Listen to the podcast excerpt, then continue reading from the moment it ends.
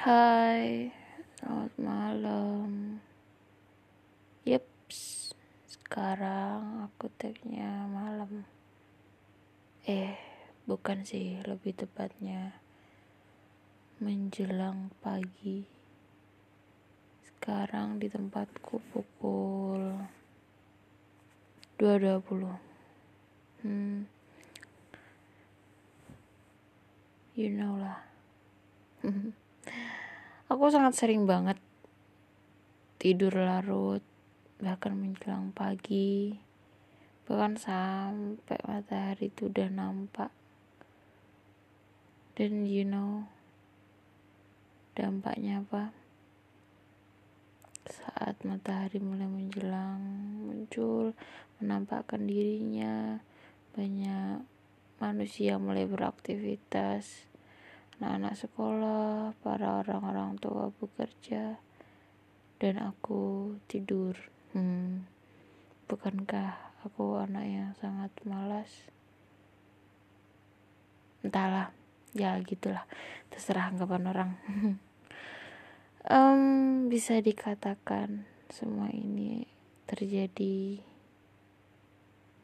secara simultan tak kusadari dan aku nyaman. Sehingga terjadi terus menerus keterusan deh. Oke okay, back to topic ya hari ini kali ini. Aku mau bahas tentang cerita yang lalu sesuai dengan judul atau nama dari podcast ini yaitu cerita kemarin. So ya ini kita emang bahas masa lalu gitu. Nah ini terutama masa lalu tentangku. Mungkin ini klasik sih tapi aku suka sih kayak bahas masa lalu gitu. Mungkin juga dari masa laluku ini kalian yang dengerin bisa belajar. Atau mungkin hmm, jadi hiburan juga buat kalian yaitu tentang kisah percintaan. Ya, sangat klasik gak sih? Aku tipikal orang yang mudah jatuh cinta, mudah terpana, mudah kagum. Hmm, ya gitu. Ya bisa dikatakan orang kayak gitu tuh mudah baper, ya gak sih? Ya bener banget. Okay, awal pertama kali ya kalau anak kecil sih bisa dikatakan cinta monyet. Waktu kagum sama temen temen di sekitarnya seumuran. Pertama kali banget itu waktu SD kelas 6 waktu itu aku suka sama temen sekelompok belajar gitu ya kayak di mana kita dalam satu kelas itu kan ada kayak anak-anak unggulan. Ya nggak unggulan banget sih. Seenggaknya anak-anak yang ada di ranking-ranking atau peringkat-peringkat atas. Ya antara berapa ya waktu itu? Berapa orang ya? Hmm, 6 atau 7 sekitar 10 orang. Hmm, yang aja 10 besar guys. Ada beberapa anak tapi aku lupa untuk urutannya. Cuma yang aku sering inget tiga besar itu kayak gitu tuh saling hmm, kayak apa ya saling mengungguli gitu ya. Jiwa ambis siusku waktu SD itu bener-bener kuat banget. Karena emang ketrigger juga sama mentor yang bener-bener membawa kita tuh ayo ambisius yuk kita berlomba-lomba buat berprestasi. Dan selain itu eh, mentornya ini guruku ini juga memfasilitasi gitu. Jadi terpacu terfasilitasi jadi terlaksana kayak gitu. Keren sih dan aku juga bersyukur banget uh, thank you banget buat mentorku guruku kak yang set, satu ini. Keren banget pokok bapak Agus. Ya mohon maaf almarhum bapak Agus yang beliau udah nggak ada. Thank you banget bapak udah pernah. Jadi salah satu bagian dari kisah hidupku e, bisa dikatakan orang tua ya, yang juga hmm, membekaliku pengetahuan yang baik membekaliku sebuah pengetahuan keren sih. Waktu itu bener-bener di dipacu buat terus yuk berprestasi yuk belajar yuk belajar gimana pun caranya. Ya mungkin kayak anggap aja kayak gimana ya orangnya tuh pacuannya tuh prestasi prestasi prestasi kayak gitu. Terus cara yang ditempuh emang beberapa mungkin kayak nggak baik atau mungkin negatif gitu. Tetapi aku belajar uh, belajar dari positifnya itu uh, menurut ya aku sadar sekarang ya. Kayak dulu kan ya kita waktu masih umur-umur SD itu kayak ya nurut-nurut aja yang penting uh, kita seneng gitu kan ya. Nah tapi lambat laun kan dia tahu oh mana yang benar mana yang enggak enggak benar gitu ya. Seenggaknya yang tepat sama yang kurang tepat gitu.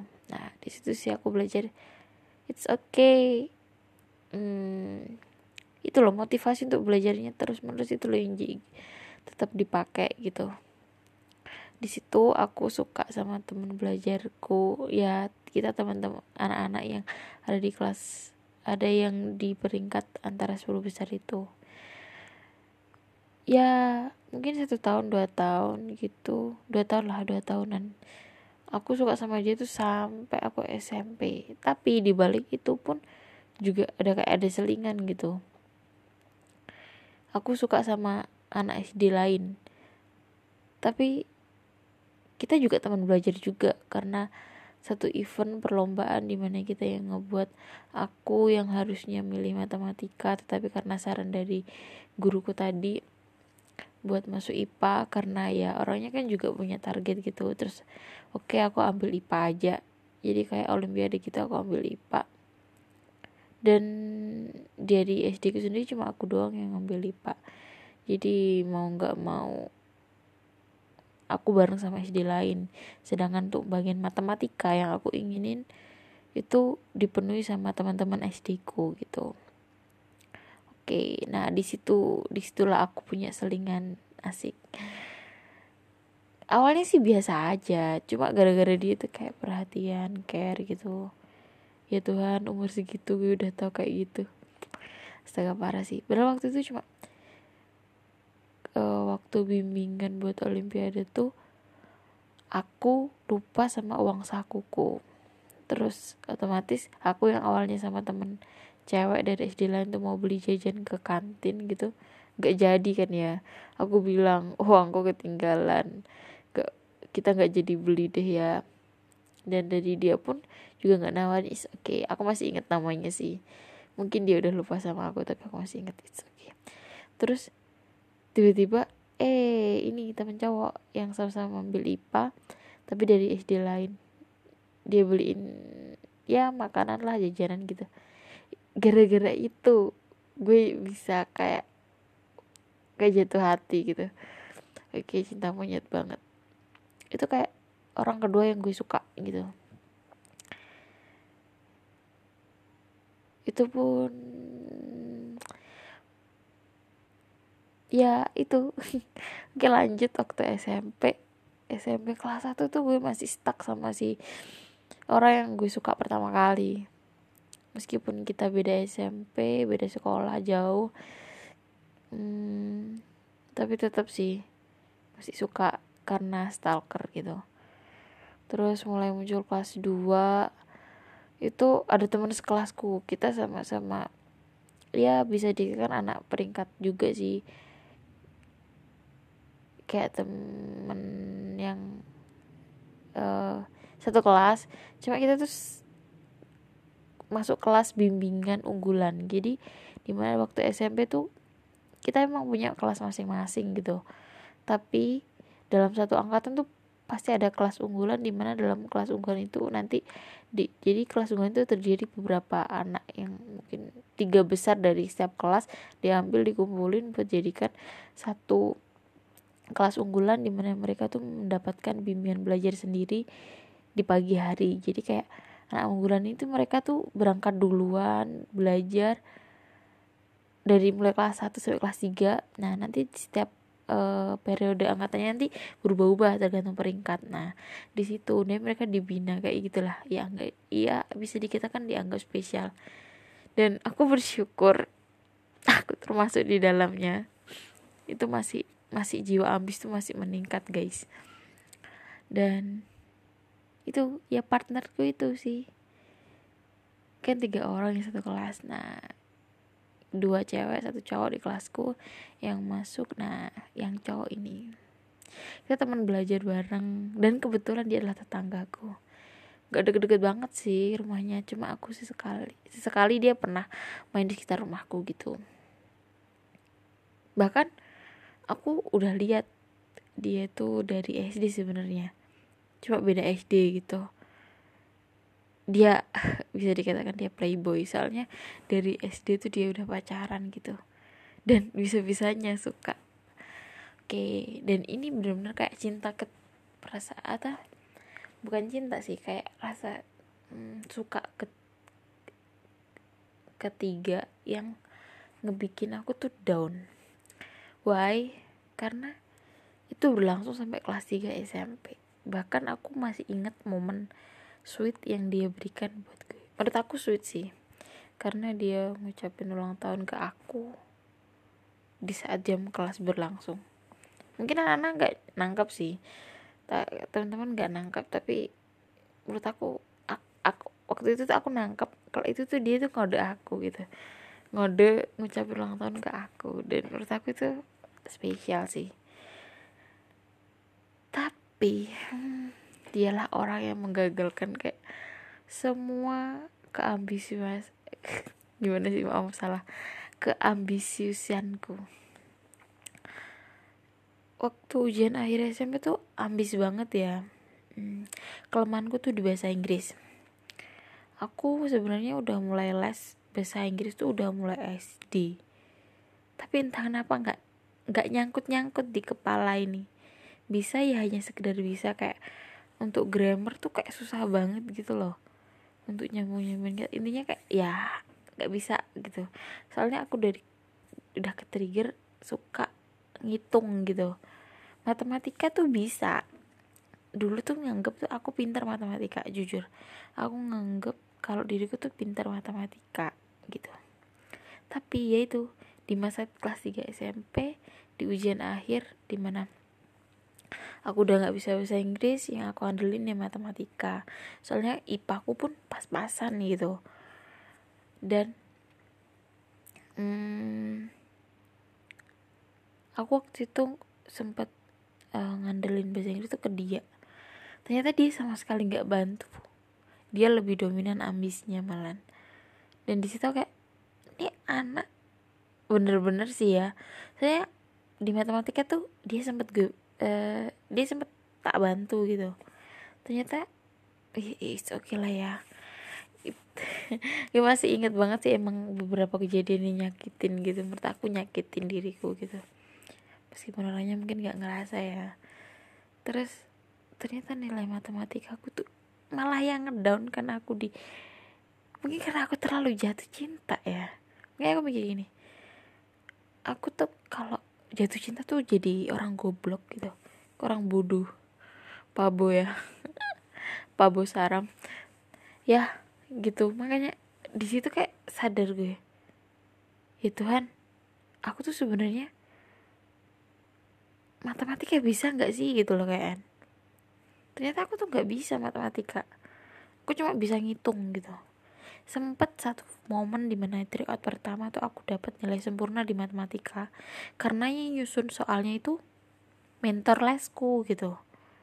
Sedangkan di guru-guru yang lain di mentor yang lain aku nggak bisa ngerjain. Makanya aku mikir ini karena gurunya yang udah klop sama aku dan aku jadi tahu tipikal soal-soal yang bakal dikeluarin atau emang aku nggak aku yang emang nggak bisa mengerjain matematika atau gimana gitu ya tapi itu berlanjut sampai SMA gitu.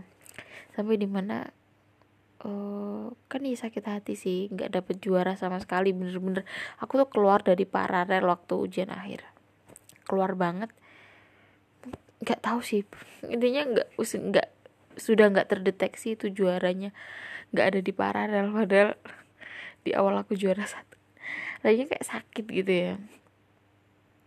Nah terus waktu SMA tuh kayak mentalku tuh jujur Tuhan kasih kesempatan aku tuh down banget.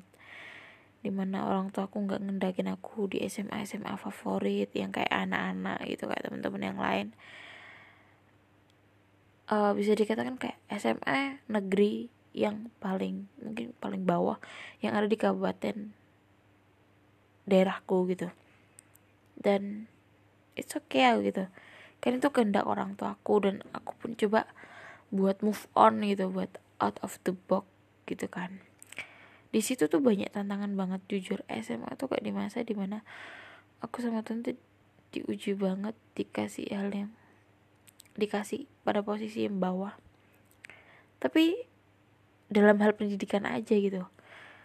Dalam hal pendidikan uh, mungkin kayak status sosial gitu tapi dalam hal lain tuh kasih luar biasa banget. Waktu SMA tuh aku ikut girls talk intinya kayak perkumpulan perempuan remaja perempuan yang dibina di situ untuk belajar buat kenalin tentang diri sendiri buat uh, ke orang lain ke orang tua terutama ke Tuhan sih. Gitu. Di situ aku mulai sadar mulai belajar bahwa fokus hidupku tuh salah.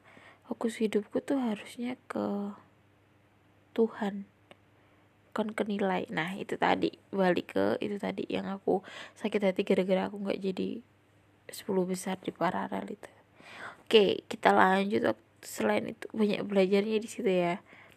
Intinya diuji banget lah. Mungkin lain lain waktu kita bahas juga. Diujinya gimana sih?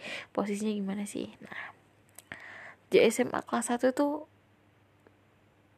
bisa dikatakan masih belum move on 100% tapi aku berusaha menyibukkan diri. Jadi di SMA kelas 1 tuh ikut paskibra ikut osis. Nah di situ tuh uh banyak banget.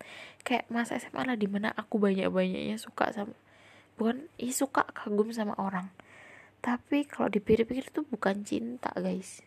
Kan itu nggak bertahan lama mungkin aku nyaman gitu karena di sekitar mereka.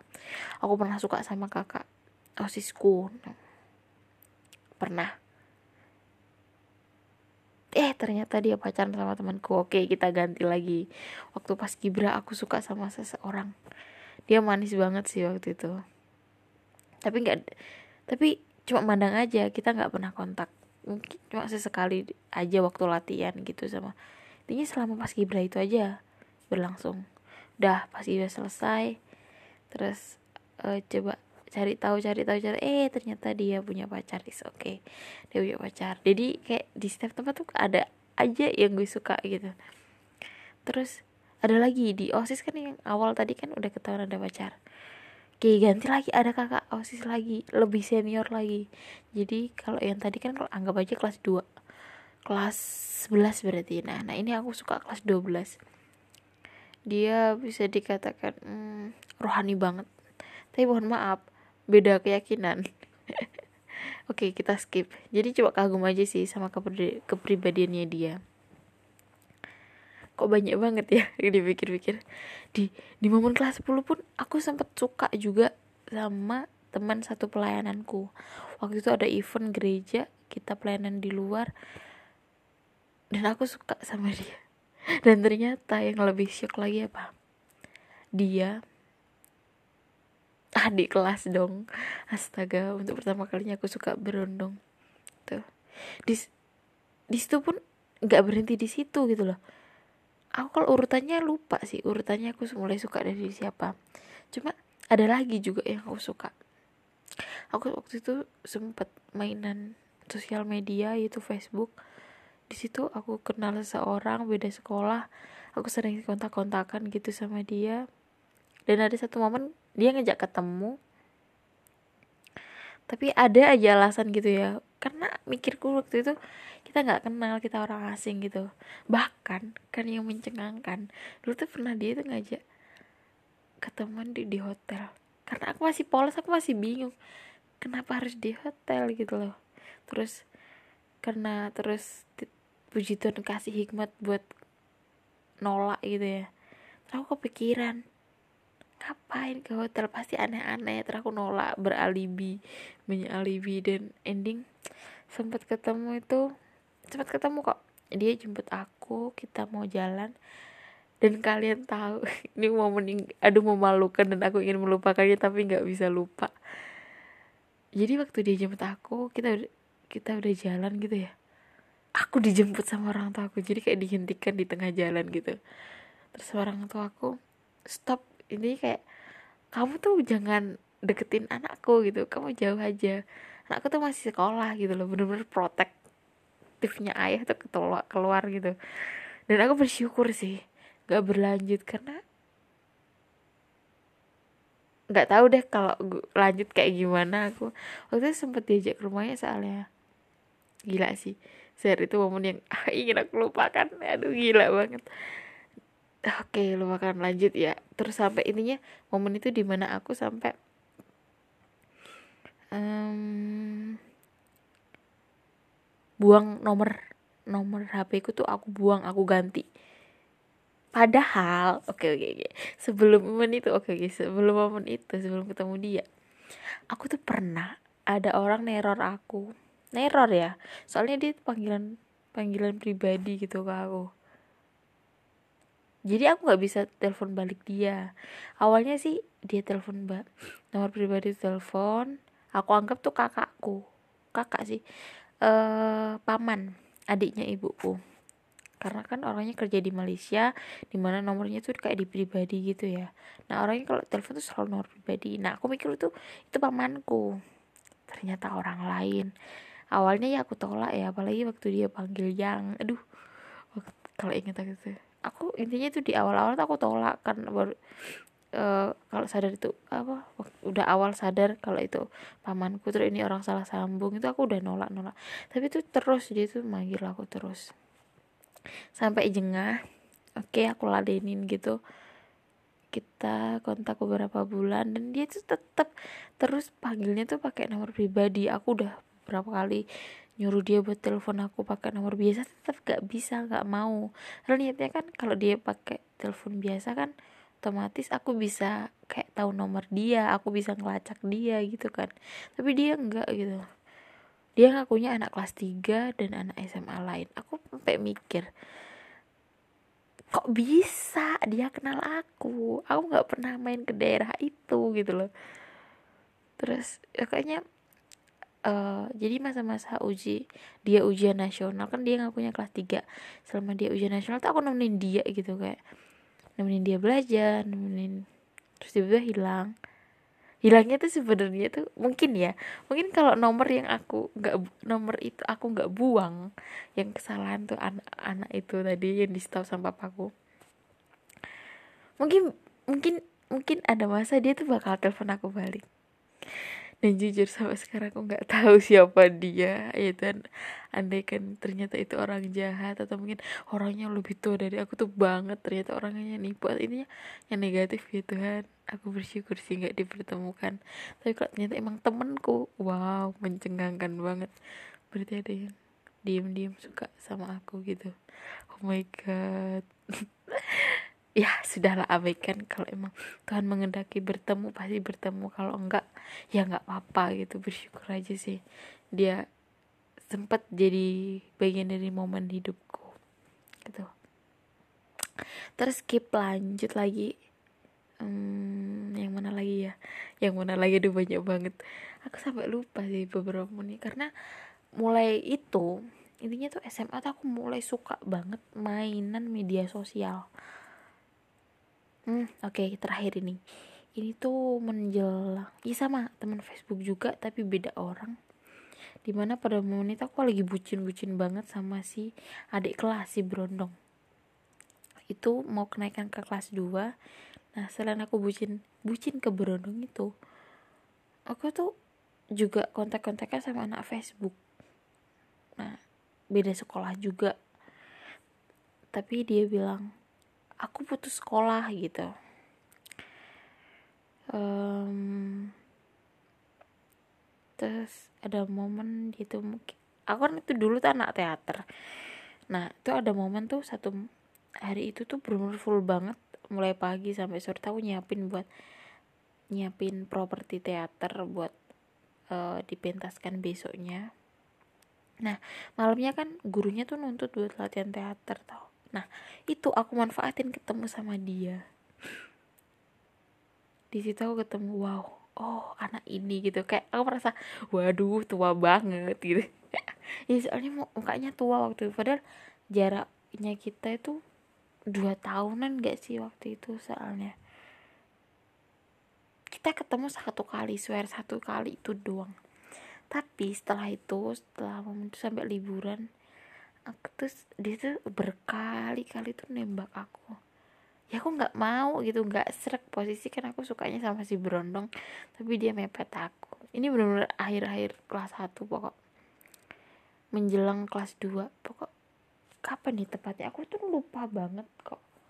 Lupa itu tanggalnya berapa. Pokok ada setelah sampai aku tuh jengah karena dia ter sering nembak aku. Dan kayak kasihan gitu dan aku terima goblok gak sih? Aduh bodoh banget swear pabo ya. Di situ tuh aku terima. Dan kalian tahu kamu tahu itu cuma berjalan selama enam hari.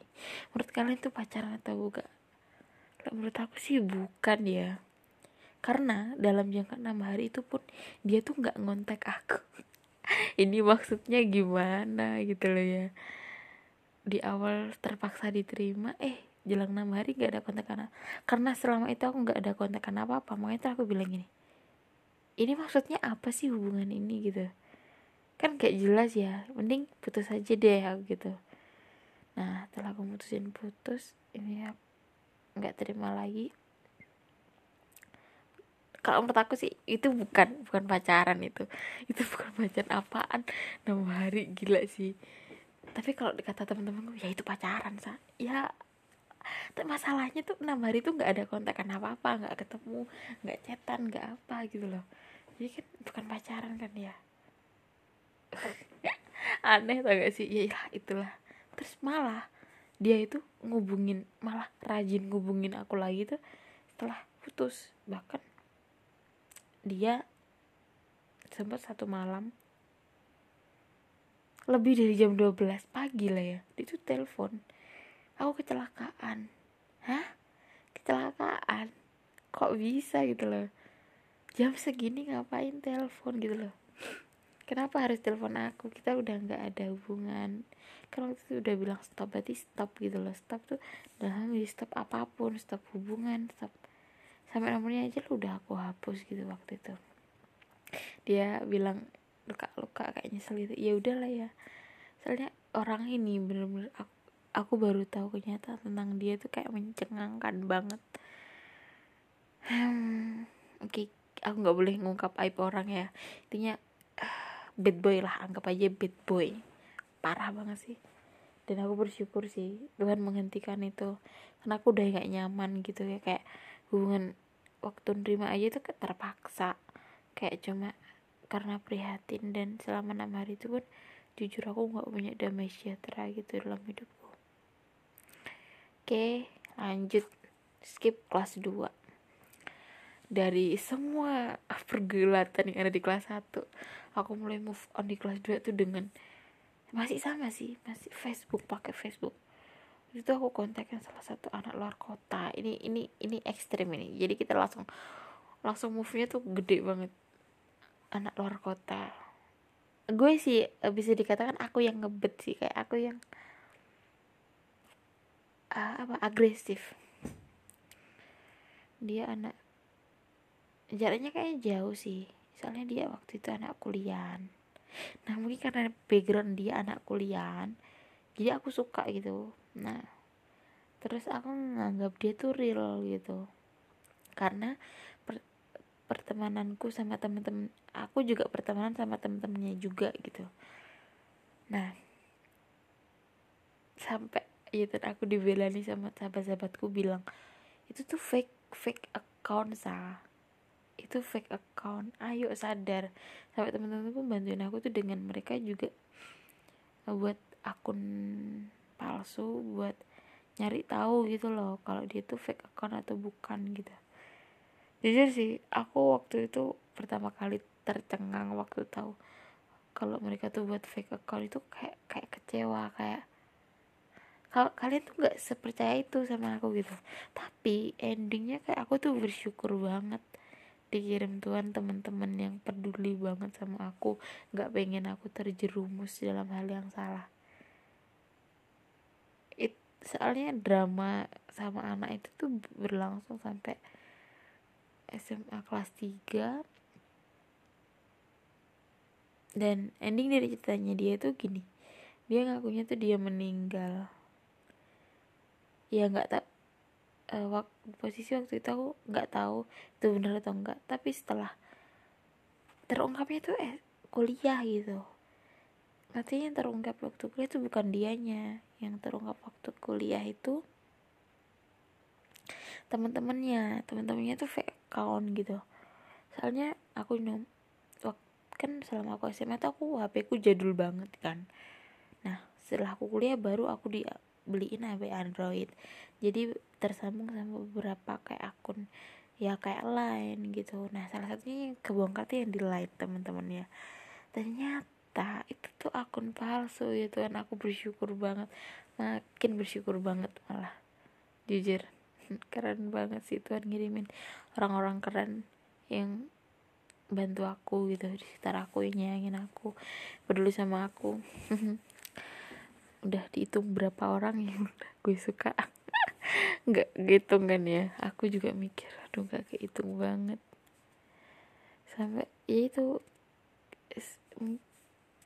sedikit sih yang aku suka waktu SMA kelas 2 sama 3 soalnya kayak banyak numpuk di kelas 1 gitu soalnya di fase itu aku bener-bener kayak ngejauhin cowok gitu ya. Soalnya konaknya baperan.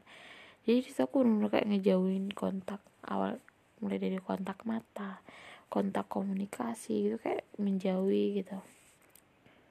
Dan aku bisa bisa punya temen ya punya sih temen SMA cowok tuh punya. Tapi nggak seakrab banget dia cuma sering ngomong gitu aja. Karena dia juga kan extrovert jadi dia tuh banyak omong terus aktif gitu. Tapi nggak ada perasaan apa sih. Nah terus aku udah mulai kayak yuk sa jalin pertemanan bi. Uh, ke semua orang tanpa baper gitu. Itu waktu kuliah. Di mana waktu kuliah aku bisa natap mata mereka aku bisa ngomong lebih banget gitu. Terlebih lagi di organisasi. Hmm, dan jujur sih selama kuliah itu flat guys. Ya kagum kagum kagum. Banyak yang dikagumi. Terutama kakak tingkat gitu ya. Sampai aku awal kuliah tuh mikir gini. Jadi teman satu angkatanku tuh kayak aku aku apa ya? Aku saring gitu. Aku bakalan suka sama siapa gitu kan. Terus siapa sih bakal suka sama aku gitu? Setelah saring menyaring terus lihat jadi kayak teman satu angkatan tuh sampai apa aku sampai apal teman satu angkatan tuh siapa aja tuh apal. Gak ada. Makanya di situ aku bisa kayak natap mata mereka aku bisa ngomong sama mereka. Karena nggak ada yang disuka kayak nggak ada yang aku kagumi gitu. Mungkin kalau kagum sih malah kakak tingkat ya tapi hanya sekedar kan kagum aja. Karena kita beda iman oke oke. Bisa dikatakan aku emang um, minoritas. Tapi kan meskipun kan masih ada juga cowok yang minoritas juga. Um, tapi kayaknya nggak suka sih. Ya ya itu sih kisahku. Flat sampai yang terakhir aku suka adalah bukan yang terakhir hmm, beberapa bagian akhir-akhir ini yang aku suka sempat dulu itu hmm, pertengahan 2020 aku suka sama TikTok kagum gitu ya. Kita seiman. Tapi menurut aku nggak bisa digapai deh. Ya udah sih terus itu berangsur-angsur hilang gitu. Kayak aku mengurangi lama-lama udah bosen terus kayak ilfil juga hmm, sama kontennya dia gitu. Terus aku suka sama sempet suka sama salah satu youtubers karena Ciami Pol sih dia tuh pinter. Dia pro player. Oke jadi kayak sekarang kagum suka gitu. Terus yang buat aku tercengang tuh yang terakhir tuh Februari. Awal Februari. Kan dulu tuh aku bisa dikatakan kalian tahu kan army yaitu julukan buat orang-orang yang fans sama uh, idol K-pop BTS oke aku dulu tuh ngebias sama V yaitu Kim Taehyung. Aku mulai ngebias dia tuh SMA kelas 2 nah itu berlanjut kan. Ya hanya sekedar suka biasa aja karena visual jujur. Dan lebih banyak sih aku condong ke XOL gitu ke EXO tapi ya tetap ARMY juga. Ya sebenarnya random sih. Soalnya gimana ya? Aku suka lagu-lagu mereka menikmati gitu. Terutama k dramanya juga aku suka gitu. Dan yang ini buat tercengang tuh ini guys. 2021 di bulan Februari entah bagaimana entah kenapa aku baru menyadari bahwa di BTS itu ada Suga. Hmm. ya Min Yoongi kenapa aku baru sadar ada Min Yoongi di situ? Dan tiba-tiba kayak aku kagum sama dia. Tiba-tiba aku suka sama dia. Aku suka personalitinya dia. Aku suka kinerjanya dia. Aku suka kepribadiannya dia. Aku suka kesevetannya dia. Apa pun sih. Entahlah. Aku harap ini hanya kagum biasa gitu nggak berlebihan supaya nggak sakit hati sendiri. Karena enggak mungkin digapai. Bayangin aja ya kali. Bisa berjodoh sama idol. Cuma waktu itu emang momennya tuh kayak dia tuh kayak ngehibur aku banget. Bikin aku kayak move move banget. Kagum banget. Dan ya bisa dikatakan kayak um, gimana ya? Aku suka seseorang tuh sebenarnya bukan karena mukanya. Kalau dibilang-bilang sih ada sih yang taman. Dari beberapa orang yang aku suka dulu-dulu tuh ada. Tapi kebanyakan yang visual tuh enggak gitu. Aku lebih suka ke kepribadian kayak gitu. Aku bisa suka seorang tuh sebenarnya karena kepribadian terus aku nyaman gitu. Kalau masalah hati sih jujur untuk sekarang flat flat aja. Kalau bisa ditanya gitu pacarnya siapa? Min Yunggi calon istrinya Min Yunggi ya buat kalian-kalian yang army-army yuk siapa yang biasa main Yugi tetap semangat ya. Kita lanjutkan kehaluan kita kita lanjutkan mimpi kita. Meskipun gak akan terwujud. Ya segitu aja sih kita bahas tentang orang yang aku kagum orang yang pernah aku suka. Ya yang berani aku buka identitasnya cuma Min Yugi aja sih ya. Yang lain mohon maaf. Nanti takutnya hmm, kontroversi. Cuma iya aku bertanya-tanya sih. Aku sempat lamun aku tuh gini dari dulu kayaknya yang suka tuh aku duluan ya. Tapi jujur sih aku emang nggak pernah ngungkapin gitu. Takut. Tapi kayaknya orang yang aku suka kebanyakan sadar sih kalau kalau aku tuh suka sama dia. Bisa dilihat dari gerak-geriknya. Aku gini yang tadi aku sempat berpikir gini ada nggak sih yang diem-diem tuh suka sama aku karena sepanjang aku hidup tuh kebanyakan kayak aku yang berjuang terus gitu. Aku yang suka duluan. Nah ada gak sih yang diem-diem suka gitu? Diem-diem perhatikan. Bahkan sampai sekarang tuh suka sama aku. Atau mungkin yang diem-diem tuh sampai sekarang tuh stalker akun sosial media aku. Wah membagongkan sekali ya enggak sih? Jika pun ada ya dan aku berharap sih aku tahu gitu loh aku berharap jujur aku berharap aku tahu siapa dia. Siapa pun kalian. Siapa pun kamu. Ngomong dong biar aku tahu. Gitu oke. Okay. oke oke cukup sampai sini aja buat podcast hari ini. Thank you udah ngedengerin kayak curhatan. Kisah masa laluku cerita kemarin. Cerita kemarin dari sosok Tirza tentang percintaan. Ya kalau saran aku sih tetap kalian harus kejar mimpi kalian.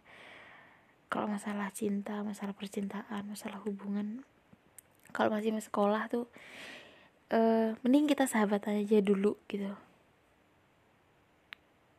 Karena uh, percintaan tuh berat inget gak sih yang waktu aku sampai down itu?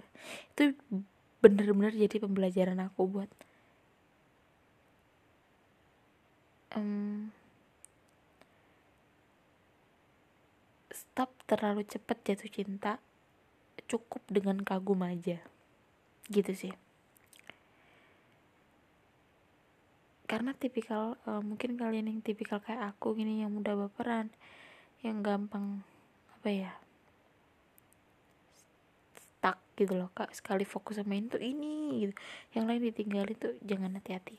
Uh, harus hati-hati. Kita harus balik lagi tujuan hidup kita tuh apa. Tujuan uh, hidup kita kan pasti membagikan keluarga orang tua. Itu yang terutama. Jadi jangan sampai lupa. Uh, buat kalian udah terlanjur menjalin hubungan uh, ya nggak apa-apa sama hubungan itu. Tapi ingat tujuan jangan sampai lupa jangan sampai gagal gitu kamu pasti bisa. Tuhan berkati. See you.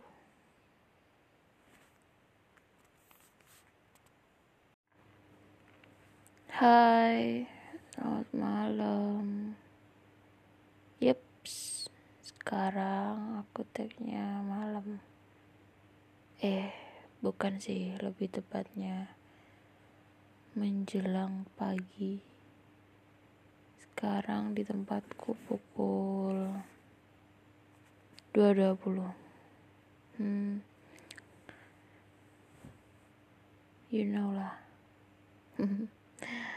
Aku sangat sering banget tidur larut, bahkan menjelang pagi, bahkan sampai matahari itu udah nampak. Dan you know, dampaknya apa? Saat matahari mulai menjelang, muncul, menampakkan dirinya, banyak manusia mulai beraktivitas anak-anak sekolah, para orang-orang tua bekerja, dan aku tidur. Hmm, bukankah aku anak yang sangat malas? Entahlah, ya gitulah, terserah anggapan orang. um, bisa dikatakan semua ini terjadi secara simultan. Tak kusadari dan aku nyaman sehingga terjadi terus menerus. Keterusan deh. Oke okay, back to topic ya hari ini kali ini aku mau bahas tentang cerita yang lalu sesuai dengan judul atau nama dari podcast ini yaitu cerita kemarin. So ya ini kita emang bahas masa lalu gitu. Nah ini terutama masa lalu tentangku. Mungkin ini klasik sih tapi aku suka sih kayak bahas masa lalu gitu. Mungkin juga dari masa laluku ini kalian yang dengerin bisa belajar atau mungkin hmm, jadi hiburan juga buat kalian. Yaitu tentang kisah percintaan. Ya sangat klasik gak sih? Aku tipikal orang yang mudah jatuh cinta mudah terpana mudah kagum hmm, ya gitu. Ya bisa dikatakan orang kayak gitu tuh udah baper ya gak sih? Ya bener banget. Okay, awal pertama kali ya kalau anak kecil sih bisa dikatakan cinta monyet. Waktu kagum sama temen temen di sekitarnya seumuran. Pertama kali banget itu waktu SD kelas 6 waktu itu aku suka sama temen sekelompok belajar gitu ya kayak di mana kita dalam satu kelas itu kan ada kayak anak-anak unggulan. Ya nggak unggulan banget sih. Seenggaknya anak-anak yang ada di ranking-ranking atau peringkat-peringkat atas ya antara berapa ya waktu itu berapa orang ya? Hmm, 6 atau 7 sekitar 10 orang. Hmm, yang aja 10 besar guys. Ada beberapa anak tapi aku lupa untuk urutannya. Cuma yang aku sering inget tiga besar. Itu kayak gitu tuh saling hmm, kayak apa ya saling mengungguli gitu ya. Jiwa ambis siusku waktu SD itu bener-bener kuat banget. Karena emang ketrigger juga sama mentor yang bener-bener membawa kita tuh ayo ambisius yuk kita berlomba-lomba buat berprestasi. Dan selain itu eh, mentornya ini guruku ini juga memfasilitasi gitu. Jadi terpacu terfasilitasi jadi terlaksana kayak gitu keren sih. Dan aku juga bersyukur banget uh, thank you banget buat mentorku guruku kak yang set, satu ini. Keren banget pokok bapak Agus. Ya mohon maaf almarhum bapak Agus yang beliau udah nggak ada. Thank you banget bapak udah pernah jadi salah satu bagian dari kisah hidupku. Eh, bisa dikatakan orang tua ya, yang juga hmm, membekaliku pengetahuan yang baik membekaliku sebuah pengetahuan. Keren sih waktu itu bener-bener di dipacu buat terus yuk berprestasi yuk belajar yuk belajar gimana pun caranya. Ya mungkin kayak anggap aja kayak gimana ya orangnya tuh pacuannya tuh prestasi prestasi prestasi kayak gitu. Terus cara yang ditempuh emang beberapa mungkin kayak nggak baik atau mungkin negatif gitu. Tetapi aku belajar uh, belajar dari positifnya itu uh, menurut ya aku sadar sekarang ya. Kayak dulu kan ya kita waktu masih umur umur SD itu kayak ya nurut nurut aja yang penting uh, kita seneng gitu kan ya. Nah tapi lambat laun kan dia tahu oh mana yang benar mana yang enggak enggak benar gitu ya. Seenggaknya yang tepat sama yang kurang tepat gitu. Nah di situ sih aku belajar it's okay. Hmm, itu loh motivasi untuk belajarnya terus menerus itu loh yang tetap dipakai gitu. Di situ aku suka sama temen belajarku. Ya kita teman-teman anak-anak yang ada di kelas ada yang di peringkat antara 10 besar itu ya mungkin satu tahun dua tahun gitu. Dua tahun lah dua tahunan. Aku suka sama dia tuh sampai aku SMP tapi di balik itu pun juga ada kayak ada selingan gitu. Aku suka sama anak SD lain. Tapi kita juga teman belajar juga karena satu event perlombaan di mana kita yang ngebuat aku yang harusnya milih matematika tetapi karena saran dari guruku tadi buat masuk IPA karena ya orangnya kan juga punya target gitu. Terus oke okay, aku ambil IPA aja. Jadi kayak olimpiade gitu aku ambil IPA dan dari SD ku sendiri cuma aku doang yang ngambil IPA jadi mau nggak mau aku bareng sama SD lain. Sedangkan untuk bagian matematika yang aku inginin itu dipenuhi sama teman-teman SD ku gitu oke nah di situ di situlah aku punya selingan asik. Awalnya sih biasa aja cuma gara-gara dia tuh kayak perhatian care gitu. Ya Tuhan umur segitu gue udah tau kayak gitu. Astaga parah sih. Padahal waktu itu cuma uh, waktu bimbingan buat olimpiade tuh aku lupa sama uang sakuku. Terus otomatis aku yang awalnya sama temen cewek dari SD lain tuh mau beli jajan ke kantin gitu gak jadi kan ya. Aku bilang uangku ketinggalan. Gak kita nggak jadi beli deh ya. Dan dari dia pun juga nggak nawarin oke okay. aku masih inget namanya sih. Mungkin dia udah lupa sama aku tapi aku masih inget it's okay. Terus tiba-tiba eh ini temen cowok yang sama-sama ambil IPA tapi dari SD lain. Dia beliin ya makanan lah jajanan gitu gara-gara itu gue bisa kayak kayak jatuh hati gitu. Oke cinta monyet banget. Itu kayak orang kedua yang gue suka gitu. Itu pun ya itu. Oke lanjut waktu SMP SMP kelas 1 tuh gue masih stuck sama si orang yang gue suka pertama kali meskipun kita beda SMP beda sekolah jauh hmm, tapi tetap sih masih suka karena stalker gitu. Terus mulai muncul kelas 2 itu ada teman sekelasku kita sama-sama ya bisa dikatakan anak peringkat juga sih. Kayak temen yang uh, satu kelas cuma kita tuh masuk kelas bimbingan unggulan. Jadi di mana waktu SMP tuh kita emang punya kelas masing-masing gitu.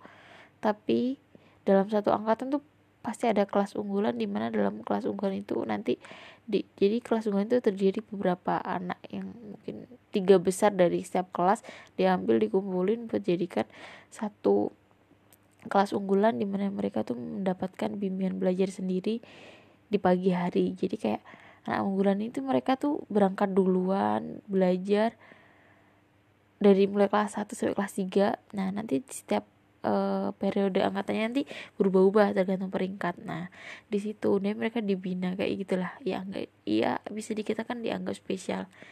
Dan aku bersyukur aku termasuk di dalamnya.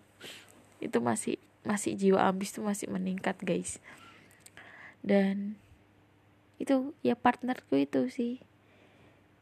Kan tiga orang yang satu kelas. Nah dua cewek satu cowok di kelasku yang masuk. Nah yang cowok ini.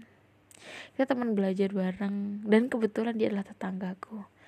Gak deket-deket banget sih rumahnya. Cuma aku sih sekali sekali dia pernah main di sekitar rumahku gitu. Bahkan aku udah lihat dia tuh dari SD sebenarnya cuma beda SD gitu. Dia bisa dikatakan dia playboy soalnya dari SD tuh dia udah pacaran gitu. Dan bisa-bisanya suka. Oke dan ini benar-benar kayak cinta ke perasaan atau bukan cinta sih kayak rasa hmm, suka ke ketiga yang ngebikin aku tuh down. Why? Karena itu berlangsung sampai kelas 3 SMP. Bahkan aku masih ingat momen sweet yang dia berikan buat gue. Menurut aku sweet sih. Karena dia ngucapin ulang tahun ke aku di saat jam kelas berlangsung. Mungkin anak-anak nggak nangkap sih. Teman-teman nggak nangkap tapi menurut aku, aku, waktu itu tuh aku nangkap kalau itu tuh dia tuh ngode aku gitu ngode ngucapin ulang tahun ke aku dan menurut aku itu spesial sih tapi dialah orang yang menggagalkan kayak semua keambisius gimana sih maaf salah. Keambisiusanku waktu ujian akhir SMP tuh ambis banget ya. Hmm, kelemahanku tuh di bahasa Inggris. Aku sebenarnya udah mulai les bahasa Inggris tuh udah mulai SD tapi entah kenapa nggak nggak nyangkut nyangkut di kepala ini bisa ya hanya sekedar bisa kayak untuk grammar tuh kayak susah banget gitu loh. Untuk nyambung nyambung intinya kayak ya nggak bisa gitu. Soalnya aku dari udah ke trigger suka ngitung gitu. Matematika tuh bisa. Dulu tuh nganggep tuh aku pintar matematika jujur. Aku nganggep kalau diriku tuh pintar matematika gitu. Tapi ya itu di masa kelas 3 SMP di ujian akhir di mana aku udah nggak bisa bahasa Inggris yang aku andelin ya matematika. Soalnya IPA aku pun pas-pasan gitu. Dan hmm, aku waktu itu sempet uh, ngandelin bahasa Inggris tuh ke dia. Ternyata dia sama sekali nggak bantu. Dia lebih dominan ambisnya malan dan di situ kayak ini anak. Bener-bener sih ya. Saya di matematika tuh dia sempet gue uh, dia sempet tak bantu gitu. Ternyata it's okay lah ya. Gue masih inget banget sih emang beberapa kejadian yang nyakitin gitu. Menurut aku nyakitin diriku gitu. Meskipun orangnya mungkin gak ngerasa ya. Terus ternyata nilai matematika aku tuh malah yang ngedown kan aku di mungkin karena aku terlalu jatuh cinta ya. Mungkin aku mikir gini aku tuh kalau jatuh cinta tuh jadi orang goblok gitu. Orang bodoh. Pabo ya. Pabo saram. Ya gitu. Makanya di situ kayak sadar gue. Ya Tuhan aku tuh sebenarnya matematika bisa nggak sih gitu loh kayak ternyata aku tuh nggak bisa matematika. Aku cuma bisa ngitung gitu sempet satu momen di mana tryout pertama tuh aku dapat nilai sempurna di matematika. Karena yang nyusun soalnya itu mentor lesku gitu. Sedangkan di guru-guru yang lain di mentor yang lain aku nggak bisa ngerjain. Makanya aku mikir ini karena gurunya yang udah klop sama aku dan aku jadi tahu tipikal soal-soal yang bakal dikeluarin atau emang aku nggak aku yang emang nggak bisa mengerjain matematika atau gimana gitu ya tapi itu berlanjut sampai SMA gitu. Sampai di mana uh, kan ya sakit hati sih nggak dapet juara sama sekali bener-bener. Aku tuh keluar dari paralel waktu ujian akhir. Keluar banget. Nggak tahu sih intinya nggak nggak sudah nggak terdeteksi itu juaranya.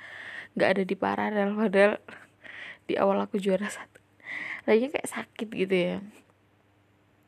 Nah terus waktu SMA tuh kayak mentalku tuh jujur Tuhan kasih kesempatan aku tuh down banget. Di mana orang tua aku nggak ngendakin aku di SMA SMA favorit yang kayak anak-anak gitu kayak teman-teman yang lain. Uh, bisa dikatakan kayak SMA negeri yang paling mungkin paling bawah yang ada di kabupaten daerahku gitu. Dan it's okay gitu. Kan itu kehendak orang tua aku dan aku pun coba buat move on gitu buat out of the box gitu kan. Di situ tuh banyak tantangan banget jujur. SMA tuh kayak di masa di mana aku sama tante diuji banget dikasih hal yang dikasih pada posisi yang bawah. Tapi dalam hal pendidikan aja gitu. Dalam hal pendidikan uh, mungkin kayak status sosial gitu tapi dalam hal lain tuh kasih luar biasa banget. Waktu SMA tuh aku ikut girls talk intinya kayak perkumpulan perempuan remaja perempuan yang dibina di situ untuk belajar buat kenalin tentang diri sendiri buat uh, ke orang lain ke orang tua terutama ke Tuhan sih. Gitu. Di situ aku mulai sadar mulai belajar bahwa fokus hidupku tuh salah. Fokus hidupku tuh harusnya ke Tuhan bukan ke nilai. Nah itu tadi balik ke itu tadi yang aku sakit hati gara-gara aku nggak jadi 10 besar di paralel itu. Oke kita lanjut selain itu banyak belajarnya di situ ya. Intinya diuji banget lah. Mungkin lain lain waktu kita bahas juga. Diujinya gimana sih? Posisinya gimana sih? Nah di SMA kelas 1 tuh bisa dikatakan masih belum move on 100% tapi aku berusaha menyibukkan diri. Jadi di SMA kelas 1 tuh ikut paskibra ikut osis. Nah di situ tuh uh banyak banget. Kayak masa SMA lah di mana aku banyak banyaknya suka sama bukan ih suka kagum sama orang. Tapi kalau dipikir-pikir itu bukan cinta guys. Kan itu nggak bertahan lama. Mungkin aku nyaman gitu karena di sekitar mereka. Aku pernah suka sama kakak osisku pernah. Eh ternyata dia pacaran sama temanku. Oke kita ganti lagi. Waktu pas Gibra aku suka sama seseorang. Dia manis banget sih waktu itu. Tapi nggak tapi cuma mandang aja kita nggak pernah kontak. Mungkin cuma sesekali aja waktu latihan gitu sama. Intinya selama pas Gibra itu aja berlangsung. Udah pas Gibra selesai terus uh, coba cari tahu cari tahu cari eh ternyata dia punya pacar is oke. Okay. dia punya pacar. Jadi kayak di setiap tempat tuh ada aja yang gue suka gitu. Terus ada lagi di osis kan yang awal tadi kan udah ketahuan ada pacar. Oke ganti lagi ada kakak osis lagi lebih senior lagi. Jadi kalau yang tadi kan kalau anggap aja kelas 2 kelas 11 berarti. Nah nah ini aku suka kelas 12 dia bisa dikatakan hmm, rohani banget. Tapi mohon maaf beda keyakinan. Oke kita skip. Jadi coba kagum aja sih sama kepribadiannya dia. Kok banyak banget ya dipikir-pikir. Di di momen kelas 10 pun aku sempat suka juga sama teman satu pelayananku. Waktu itu ada event gereja kita pelayanan di luar dan aku suka sama dia dan ternyata yang lebih shock lagi apa? Dia. Adik kelas dong. Astaga untuk pertama kalinya aku suka berondong. Tuh. Di di situ pun nggak berhenti di situ gitu loh. Aku kalau urutannya lupa sih. Urutannya aku mulai suka dari siapa. Cuma ada lagi juga yang aku suka.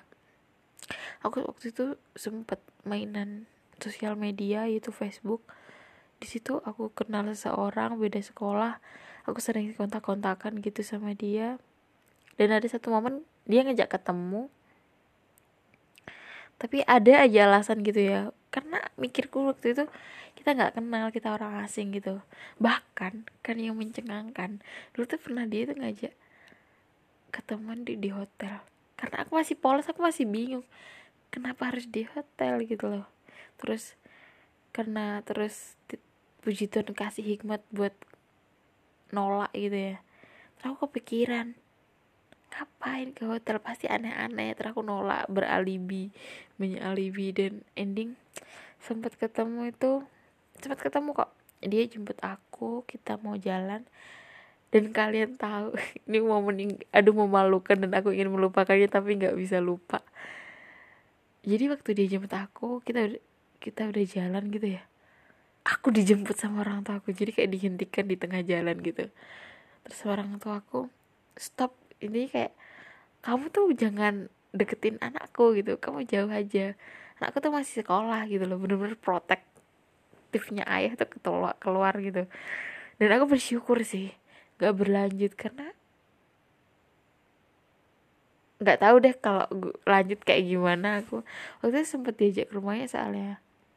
Gila sih saat itu momen yang ah, ingin aku lupakan. Aduh gila banget. Oke lupakan lanjut ya. Terus sampai intinya momen itu di mana aku sampai um, buang nomor nomor HP ku tuh aku buang aku ganti. Padahal oke okay, oke okay, oke. Okay. sebelum momen itu oke okay, okay, sebelum momen itu sebelum ketemu dia aku tuh pernah ada orang neror aku neror ya. Soalnya dia panggilan panggilan pribadi gitu ke aku. Jadi aku nggak bisa telepon balik dia. Awalnya sih dia telepon mbak nomor pribadi telepon. Aku anggap tuh kakakku. Kakak sih. Eh paman adiknya ibuku. Karena kan orangnya kerja di Malaysia di mana nomornya tuh kayak di pribadi gitu ya. Nah orangnya kalau telepon tuh selalu nomor pribadi. Nah aku mikir tuh itu pamanku. Ternyata orang lain awalnya ya aku tolak ya apalagi waktu dia panggil yang. Aduh kalau inget gitu aku intinya itu di awal-awal tuh aku tolak kan baru uh, kalau sadar itu apa udah awal sadar kalau itu pamanku terus ini orang salah sambung itu aku udah nolak nolak. Tapi itu terus dia tuh manggil aku terus. Sampai jengah oke okay, aku ladenin gitu. Kita kontak beberapa bulan dan dia tuh tetap terus panggilnya tuh pakai nomor pribadi. Aku udah berapa kali nyuruh dia buat telepon aku pakai nomor biasa tetap gak bisa gak mau. Karena niatnya kan kalau dia pakai telepon biasa kan otomatis aku bisa kayak tahu nomor dia aku bisa ngelacak dia gitu kan. Tapi dia enggak gitu. Dia ngakunya anak kelas 3 dan anak SMA lain. Aku sampai mikir kok bisa dia kenal aku? Aku nggak pernah main ke daerah itu gitu loh. Terus ya kayaknya uh, jadi masa-masa uji dia ujian nasional kan dia nggak punya kelas 3 selama dia ujian nasional tuh aku nemenin dia gitu kayak nemenin dia belajar nemenin terus tiba-tiba hilang. Hilangnya tuh sebenarnya tuh mungkin ya mungkin kalau nomor yang aku nggak nomor itu aku nggak buang yang kesalahan tuh anak-anak itu tadi yang di stop sama papaku.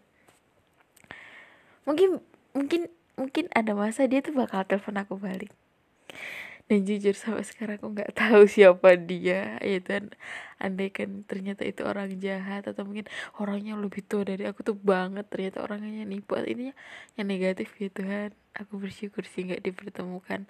Tapi kalau ternyata emang temenku wow mencengangkan banget. Berarti ada yang diem-diem suka sama aku gitu. Oh my god. Ya sudahlah abaikan. Kalau emang Tuhan mengendaki bertemu pasti bertemu. Kalau enggak ya enggak apa-apa gitu bersyukur aja sih. Dia sempat jadi bagian dari momen hidupku gitu. Terus skip lanjut lagi. Hmm, yang mana lagi ya? Yang mana lagi? Ada banyak banget. Aku sampai lupa sih beberapa menit karena mulai itu intinya tuh SMA tuh aku mulai suka banget mainan media sosial. Hmm oke okay, terakhir ini ini tuh menjelang ya sama teman Facebook juga tapi beda orang. Di mana pada momen itu aku lagi bucin-bucin banget sama si adik kelas si Brondong. Itu mau kenaikan ke kelas 2 nah selain aku bucin bucin ke Brondong itu aku tuh juga kontak-kontaknya sama anak Facebook. Nah beda sekolah juga. Tapi dia bilang aku putus sekolah gitu um, terus ada momen gitu mungkin aku kan itu dulu tuh anak teater.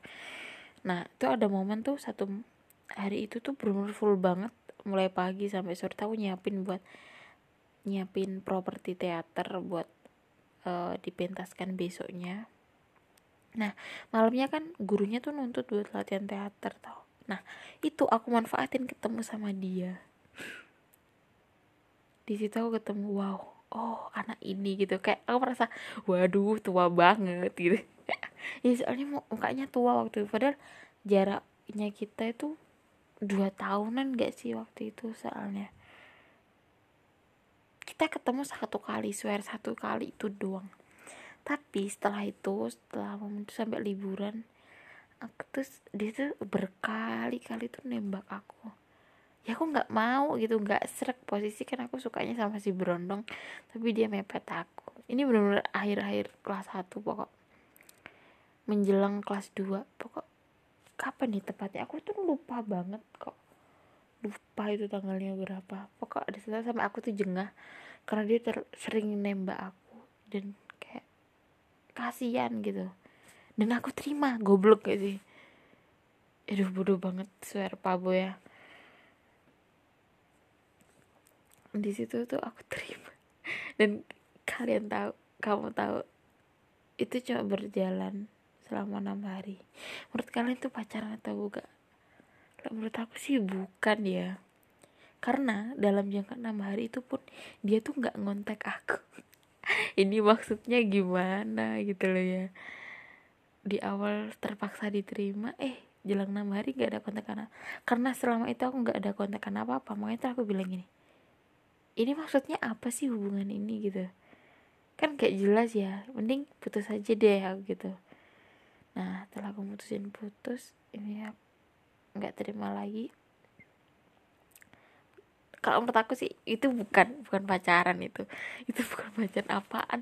Enam hari gila sih. Tapi kalau dikata teman-temanku ya itu pacaran sa. Ya tapi masalahnya tuh enam hari tuh nggak ada kontakan apa apa nggak ketemu nggak cetan nggak apa gitu loh. Jadi kan bukan pacaran kan ya? Aneh tau gak sih? Ya, ya itulah. Terus malah dia itu ngubungin malah rajin ngubungin aku lagi tuh setelah putus. Bahkan dia sempat satu malam lebih dari jam 12 pagi lah ya itu telepon aku kecelakaan. Hah? Kecelakaan? Kok bisa gitu loh? Jam segini ngapain telepon gitu loh? Kenapa harus telepon aku? Kita udah nggak ada hubungan. Kan waktu itu udah bilang stop berarti stop gitu loh. Stop tuh dalam di stop apa pun. Stop hubungan stop. Sampai nomornya aja lu udah aku hapus gitu waktu itu. Dia bilang luka-luka kayak nyesel gitu. Ya udahlah ya. Soalnya orang ini bener-bener aku, aku baru tahu kenyataan tentang dia tuh kayak mencengangkan banget. Hmm, oke okay, aku nggak boleh ngungkap aib orang ya. Intinya bad boy lah anggap aja bad boy. Parah banget sih. Dan aku bersyukur sih Tuhan menghentikan itu. Karena aku udah gak nyaman gitu ya kayak hubungan waktu nerima aja tuh terpaksa. Kayak cuma karena prihatin dan selama enam hari itu pun jujur aku nggak punya damai sejahtera gitu dalam hidupku oke lanjut. Skip kelas 2 dari semua pergulatan yang ada di kelas 1 aku mulai move on di kelas 2 tuh dengan masih sama sih masih Facebook pakai Facebook. Itu aku kontaknya salah satu anak luar kota. Ini ini ini ekstrim ini. Jadi kita langsung langsung move nya tuh gede banget. Anak luar kota. Gue sih eh, bisa dikatakan aku yang ngebet sih. Kayak aku yang uh, apa? Agresif. Dia anak jaraknya kayaknya jauh sih. Soalnya dia waktu itu anak kuliah nah mungkin karena background dia anak kuliah jadi aku suka gitu. Nah terus aku nganggap dia tuh real gitu. Karena per, pertemananku sama temen-temen aku juga pertemanan sama temen-temennya juga gitu. Nah sampai itu aku dibelani sama sahabat-sahabatku bilang itu tuh fake fake account sah itu fake account. Ayo sadar. Sampai teman-teman pun bantuin aku tuh dengan mereka juga buat akun palsu buat nyari tahu gitu loh kalau dia tuh fake account atau bukan gitu. Jujur sih aku waktu itu pertama kali tercengang waktu tahu kalau mereka tuh buat fake account itu kayak kayak kecewa kayak kalau kalian tuh nggak sepercaya itu sama aku gitu. Tapi endingnya kayak aku tuh bersyukur banget dikirim Tuhan teman-teman yang peduli banget sama aku nggak pengen aku terjerumus dalam hal yang salah. It, soalnya drama sama anak itu tuh berlangsung sampai SMA kelas 3 dan ending dari ceritanya dia tuh gini. Dia ngakunya tuh dia meninggal ya nggak tak uh, eh, waktu posisi waktu itu aku nggak tahu itu benar atau enggak tapi setelah terungkapnya tuh eh kuliah gitu. Artinya yang terungkap waktu kuliah itu bukan dianya. Yang terungkap waktu kuliah itu teman-temannya. Teman-temannya tuh fake account gitu. Soalnya aku nom kan selama aku SMA tuh aku HP ku jadul banget kan. Nah setelah aku kuliah baru aku dibeliin HP Android. Jadi tersambung sama beberapa kayak akun ya kayak lain gitu. Nah salah satunya yang kebongkar tuh yang di line teman-teman ya ternyata itu tuh akun palsu gitu kan aku bersyukur banget. Makin bersyukur banget malah jujur. Keren banget sih Tuhan ngirimin orang-orang keren yang bantu aku gitu di sekitar aku yang nyayangin aku peduli sama aku udah dihitung berapa orang yang gue suka. Nggak gitu kan ya? Aku juga mikir aduh gak kehitung banget. Sampai ya itu sedikit sih yang aku suka waktu sama kelas 2 sama 3 soalnya kayak banyak numpuk di kelas 1 gitu. Soalnya di fase itu aku bener-bener kayak ngejauhin cowok gitu ya. Soalnya konaknya baperan jadi di situ aku bener-bener kayak ngejauhin kontak awal mulai dari kontak mata kontak komunikasi gitu kayak menjauhi gitu. Dan aku bisa bisa punya temen ya punya sih temen SMA cowok tuh punya tapi nggak seakrab banget dia cuma sering ngomong gitu aja. Karena dia juga kan extrovert jadi dia tuh banyak omong terus aktif gitu tapi nggak ada perasaan apa sih. Nah terus aku udah mulai kayak yuk sa jalin pertemanan bi. Uh, ke semua orang tanpa baper gitu. Itu waktu kuliah. Di mana waktu kuliah aku bisa natap mata mereka aku bisa ngomong lebih banget gitu. Terlalu lagi di organisasi. Hmm, dan jujur sih selama kuliah itu flat guys. Ya kagum kagum-kagum banyak yang dikagumi terutama kakak-kakak tingkat gitu ya. Sampai aku awal kuliah tuh mikir gini. Jadi teman satu angkatanku tuh kayak aku aku apa ya aku saring gitu. Aku bakal suka sama siapa gitu kan. Terus siapa sih bakal suka sama aku gitu? Setelah saring menyaring terus lihat jadi kayak teman satu angkatan tuh sampai apa aku sampai apal teman satu angkatan tuh siapa aja tuh apal. Gak ada makanya di situ aku bisa kayak natap mata mereka aku bisa ngomong sama mereka. Karena nggak ada yang disuka kayak nggak ada yang aku kagumi gitu. Mungkin kalau kagum sih malah kakak tingkat ya tapi hanya sekedar kan kagum aja. Karena kita beda iman oke oke. Bisa dikatakan aku emang um, minoritas tapi kan meskipun kan masih ada juga cowok yang minoritas juga. Um, tapi kayaknya nggak suka sih. Ya ya itu sih kisahku. Flat sampai yang terakhir aku suka lah. Bukan yang terakhir um, beberapa bagian akhir-akhir ini yang aku suka sempat dulu itu um, pertengahan 2020 aku suka sama TikTok. Kagum gitu ya kita seiman. Tapi menurut aku nggak bisa digapai deh. Ya udah sih terus itu berangsur-angsur hilang gitu. Kayak aku mengurangi lama-lama udah bosen. Terus kayak ilfil juga hmm, sama kontennya dia gitu. Terus aku suka sama sempet suka sama salah satu youtubers. Karena Ciami Pol sih dia tuh pinter dia pro player. Oke okay, jadi kayak sekarang kagum suka gitu. Terus yang buat aku tercengang tuh yang terakhir tuh Februari. Awal Februari. Kan dulu tuh aku bisa dikatakan kalian tahu kan army yaitu julukan buat orang-orang yang fans sama uh, idol K-pop BTS oke okay. aku dulu tuh ngebias sama V yaitu Kim Taehyung. Aku mulai ngebias dia tuh SMA kelas 2 nah itu berlanjut kan. Ya hanya sekedar suka biasa aja karena visual jujur. Dan lebih banyak sih aku condong ke EXO-L gitu ke EXO tapi ya tetap ARMY juga. Oke ya sebenarnya random sih. Soalnya gimana ya aku suka lagu-lagu mereka menikmati gitu terutama ki dramanya juga aku suka gitu. Dan yang ini buat tercengang tuh ini guys. 2021 di bulan Februari entah bagaimana entah kenapa aku baru menyadari bahwa di BTS itu ada Suga. Hmm. ya Min Yoongi kenapa aku baru sadar ada Min Yoongi di situ dan tiba-tiba kayak aku kagum sama dia. Tiba-tiba aku suka sama dia. Aku suka personalitinya dia. Aku suka kinerjanya dia. Aku suka kepribadiannya dia. Aku suka kesevetannya dia. Apa pun sih. Entahlah. Aku harap ini hanya kagum biasa gitu. Nggak berlebihan. Supaya nggak sakit hati sendiri. Karena enggak mungkin digapai. Bayangin aja ya kali bisa berjodoh sama idol.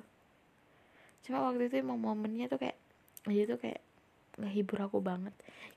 Bikin aku kayak move move banget. Kagum banget. Dan ya bisa dikatakan kayak um, gimana ya? Aku suka seseorang tuh sebenarnya bukan karena mukanya. Kalau dibilang-bilang sih ada sih yang taman. Dari beberapa orang yang aku suka dulu-dulu tuh ada. Tapi kebanyakan yang visual tuh enggak gitu. Aku lebih suka ke kepribadian. Kayak gitu. Aku bisa suka seorang tuh sebenarnya karena kepribadian. Terus aku nyaman gitu. Kalau masalah hati sih jujur untuk sekarang flat flat aja. Kalau bisa ditanya gitu pacarnya siapa? Min Yunggi calon istrinya Min Yunggi ya buat kalian-kalian yang army-army yuk siapa yang biasa main Yunggi tetap semangat ya.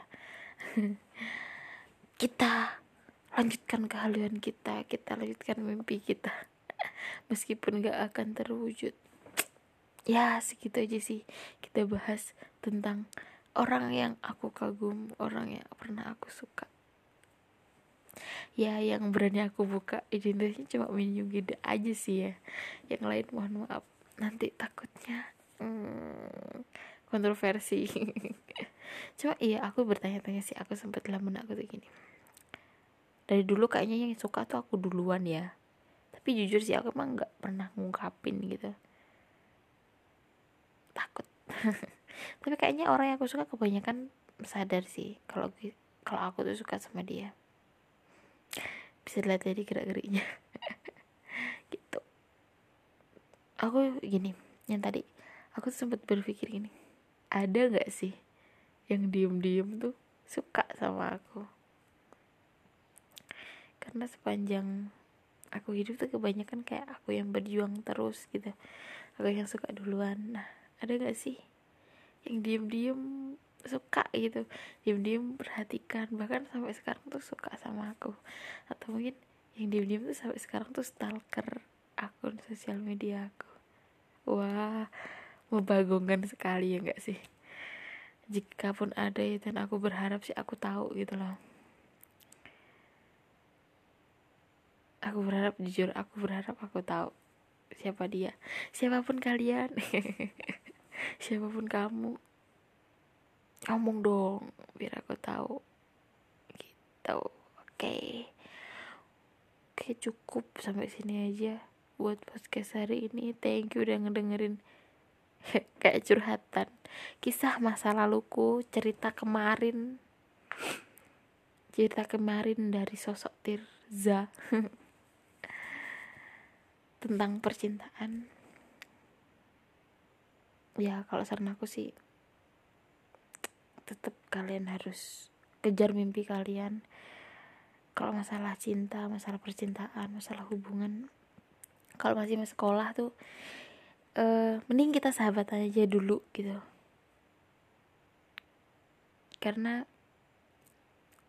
uh, percintaan tuh berat. Inget gak sih yang waktu aku sampai down itu? Itu bener-bener jadi pembelajaran aku buat um, stop terlalu cepet jatuh cinta cukup dengan kagum aja. Gitu sih. Karena tipikal uh, mungkin kalian yang tipikal kayak aku gini yang mudah baperan yang gampang apa ya gitu loh kak. Sekali fokus sama ini tuh ini gitu. Yang lain ditinggalin tuh jangan hati-hati. Uh, harus hati-hati. Kita harus balik lagi tujuan hidup kita tuh apa. Tujuan uh, hidup kita kan pasti membagikan keluarga orang tua. Itu yang terutama. Jadi jangan sampai lupa. Uh, buat kalian udah terlanjur menjalin hubungan uh, ya nggak apa-apa sama hubungan itu. Tapi ingat tujuan jangan sampai lupa jangan sampai gagal gitu kamu pasti bisa Tuhan berkati. See you